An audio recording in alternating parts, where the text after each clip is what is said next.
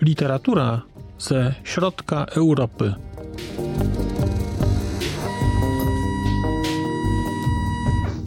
Podcast około książkowy.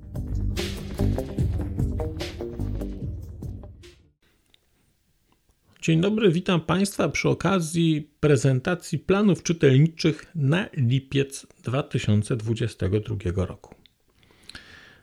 Centralną myślą, która przyświecała mi, kiedy ten lipiec komponowałem, było wrażenie mojej okrutnej niesprawiedliwości i nieuczciwości wobec naszych południowych sąsiadów.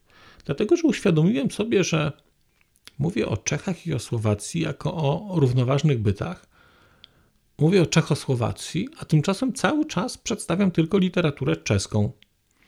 I stwierdziłem, że to jest e, szalenie nieładnie z mojej strony. I dlatego postanowiłem lipiec poświęcić na prezentację, czy na zagłębienie się trochę w specyfikę literatury słowackiej i na poczytanie trochę rzeczy ze Słowacji, od naszych południowych sąsiadów, w sumie mi bliższych, bo pochodząc z Nowego Sącza, mam na Słowację 30 km.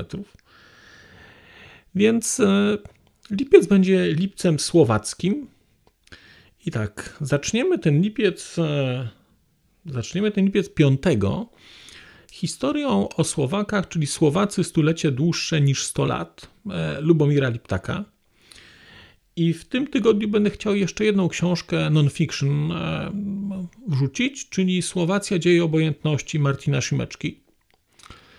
Mam wrażenie, że te książki będą dobrym wprowadzeniem do, do wątków słowackich, też dla mnie, bo Słowację znam, znaczy historię Słowacji znam słabo, więc będzie taki, takie przetarcie. Potem 12 lipca będzie książka Pawola Rankowa Zdarzyło się 1 września lub kiedy indziej. I to jest książka, którą ja już kiedyś czytałem, natomiast czytałem ją chyba za dwa lata temu, więc przeczytam ją ponownie, ponieważ przyjąłem takie założenie, że no nie opowiadam o książkach, które czytam dalej niż niż no, nawet pół roku wcześniej, bo, bo uważam, że pamięć płata różne figle, a chciałbym opowiadać prawdziwe historie o książkach. 14 y, lipca będzie Słoń na Zemplinie, opowieści ze Słowacji, czyli reportaże, czyli non-fiction e, ze Słowacji, e, książka Andrzeja Bana.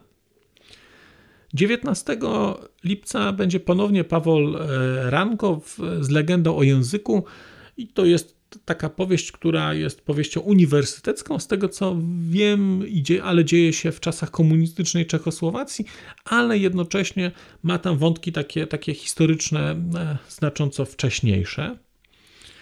21 lipca e, Denisy Fulmenkowej Agata, czyli książka, nazwijmy to powieść historyczna. 26 lipca Dom Głuchego, czyli też opowieść e, też o historii, o, no, z, czasach, z czasów Czechosłowacji jeszcze.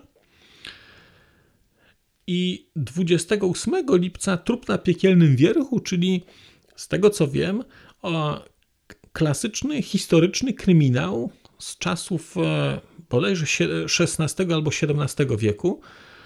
Więc dla mnie rzecz bardzo interesująca, bo takich e, książek bardzo dawno nie czytałem i bardzo się na nie cieszę.